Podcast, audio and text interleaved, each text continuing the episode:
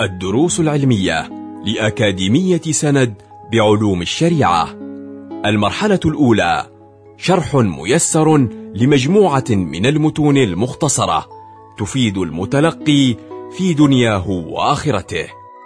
مقرر السنة النبوية شرح كتاب نور الإيمان مع الشيخ زيد بن يحيى.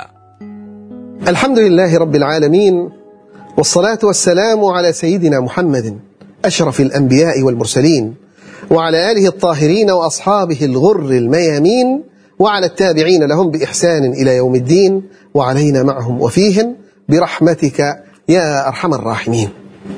ولا نزال ننهل من أنوار نور الإيمان لنجد حديثا عن أم المؤمنين عائشة رضي الله عنها يتعلق هذا الحديث بالعقيدة وبالتصورات والمفاهيم التي ينبغي أن ينزه الإنسان تفكيره وإدراكه وعقله عن التصورات الخاطئة تجاه عقائده في أسماء الله وصفاته وما يتعلق بالحق. إننا أمام حديث ينبه فيه النبي ويرشد فيه النبي وترويه هذه المرأة الصحابية زوجة رسول الله أم المؤمنين العالمة. إنها عائشة بنت أبي بكر الصديق. تكنى بأم عبد الله لابن أختها عبد الله بن الزبير. لقربه منها كنيت بأنها أم عبد الله. تزوجها رسول الله صلى الله عليه وآله وسلم قبل الهجرة بمكة. ماتت بالمدينة المنورة سنة ست وخمسين للهجرة وقيل ثمان وخمسين للهجرة وعمرها خمس وستون سنة. دفنت رضي الله عنها بالبقيع ليلا صلى عليها أبو هريرة. كانت أفقه النساء على وجه الإطلاق. وأحب أزواج رسول الله صلى الله عليه وآله وسلم إليه وأفضلهن إلا خديجة فهي مقدمة عليها. ولم يتزوج النبي صلى الله عليه وآله وسلم بكرا غيرها. وبراءتها عندما خاض فيها من خاض نزلت بها آيات من عند الله عز وجل بنصوص قطعية. ثم توفي النبي صلى الله عليه وآله وسلم في يومها ونوبتها. وفاضت روحه الكريمة صلوات ربي وسلامه عليه ودفن في بيتها وفي حجرتها. وجمع الله بين ريقها وريقه في آخر جزء من أجزاء حياته صلى الله عليه وآله وسلم. وغير مدافع وغير معترض أنه كان له عليها من المحبة والإدلال ما ليس لأحد من أمهات المؤمنين. وهي معدودة من أصحاب الكثرة في رواية الحديث عن النبي صلى الله عليه وآله وسلم. الحديث الذي ترويه بشأن العقيدة تقول قال رسول الله صلى الله عليه وآله وسلم هذه الآية أي تلا رسول الله صلوات ربي وسلامه عليه هذه الآية الكريمة. وهي قوله تعالى هو الذي أنزل عليك الكتاب منه آيات محكمات هن أم الكتاب وأخر متشابهات. فأما الذين في قلوبهم زيغ فيتبعون ما تشابه منه ابتغاء الفتنة وابتغاء تأويله وما يعلم تأويله إلا الله. والراسخون في العلم يقولون آمنا به. كل من عند ربنا وما يذكر إلا أولو الألباب. قالت قال رسول الله صلى الله عليه وآله وسلم إذا رأيتم الذين يتبعون ما تشابه منه يعني القرآن فأولئك الذين سمى الله فاحذروهم. رواه البخاري ومسلم. إذا كما سمعنا فالآية تتحدث عن آيات الله عز وجل وأن من آيات الله ما هو محكم وما هو متشابه. هناك ألفاظ ينبغي أن نفهمها قبل الولوج إلى المعنى العام. إذا رأيتم أي إذا حضرتم وأدركتم وشاهدتم ما تشابه منه هناك آراء للعلماء في تفسير المتشابه والمحكم سنعرض لها في الشرح الإجمالي. سمى الله أي ذكرهم الله. فاحذروهم أي فاجتنبوهم. اجتنبوا ما يقولون واجتنبوا شبهاتهم. فالسيدة عائشة تذكر لنا في هذا النص تلاوة فالسيدة عائشة رضوان الله عليها تذكر لنا في هذا الحديث تلاوة رسول الله صلى الله عليه وآله وسلم لهذه الآية. ثم بعد أن تلا هذه الآية قال إذا رأيتم وكما قلنا أي شاهدتم وأدركتم الذين يتبعون أي يميلون ويرغبون. في ماذا؟ فيما تشابه منه يعني القرآن. يميلون إلى الفهم ويميلون إلى تكرار وترداد الآيات التي فيها معاني متشابهة من كتاب الله عز وجل. وكما قلنا في تفسير المحكم والمتشابه هناك اختلاف بين العلماء.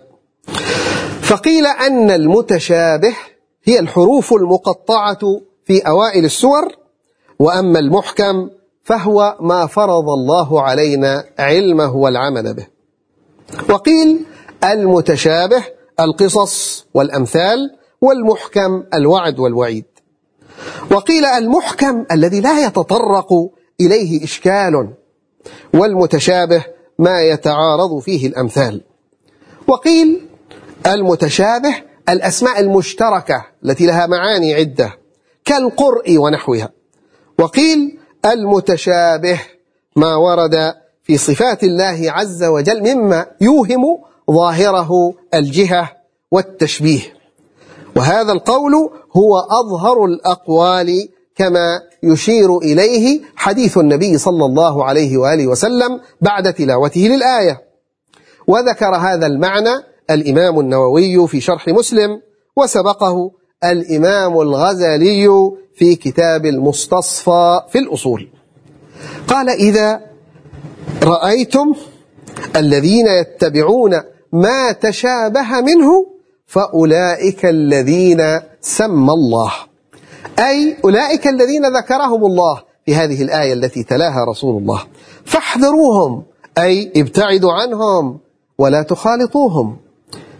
وجاء في معناه حديث يكون في آخر الزمان دجالون كذابون يحدثونكم من الحديث ما لم تسمعوا أنتم ولا آباؤكم. فإياكم وإياهم لا يفتنونكم ولا يضلونكم. الحديث فيه عدة مسائل فمن فقه الحديث التحذير من مخالطة أهل الزيغ وأهل البدع ومن يتتبع المشكلات لأجل غرس الفتنة في ربوع أهل الإسلام. وفيه أيضا إعلام من النبي صلى الله عليه وآله وسلم بأنه سيظهر أمثال هؤلاء الأقوام في آخر الزمان. وفي الحديث أيضا حرمة اتباع المتشابه من القرآن. وفي الحديث أيضا حرص النبي صلى الله عليه وآله وسلم على أداء البلاغ وأداء الأمانة لأمته حتى يهلك من هلك عن بينة ويحيى من يحيى عن بينة أيضا. ولكون الحديث يتحدث عن قضية هامة هي قضية العقيدة وصفات الحق سبحانه وتعالى فينبغي أن نقف. فإن في هذا الحديث تحذير كما قلنا من مخالطة أهل الزيغ والبدع ومن يتتبع المشكلات لأجل الفتنة. أما من يتساءل عن مثل هذه الآيات عن مثل هذه المعاني عن مثل هذه الصفات لأنها أشكلت عليه ولأنه يريد أن يستفيد وأن يسترشد فينبغي أن يتلطف به في ذلك. ولا بأس في ذلك والجواب إليه والإجاب عما استشكل أمر واجب. وأما إذا كان يتساءل من أجل اتباع المشكلات وإظهار الفتن فهذا ينبغي أن يزجر وأن يعنف وأن يعاتب. كما عزر سيدنا عمر بن الخطاب بعض هؤلاء وهو صبيع بن عسل. حيث عنفه ونفاه عن المدينة سنة كاملة وأمر أن لا يجالسه أحد من أهل المدينة حتى قال الصحابي فوالله لو جاء ونحن مئة لتفرقنا بعد أن وجههم سيدنا عمر أن لا يجالسوا هذا الرجل الذي يتتبع المتشابه ويتتبع الفتن.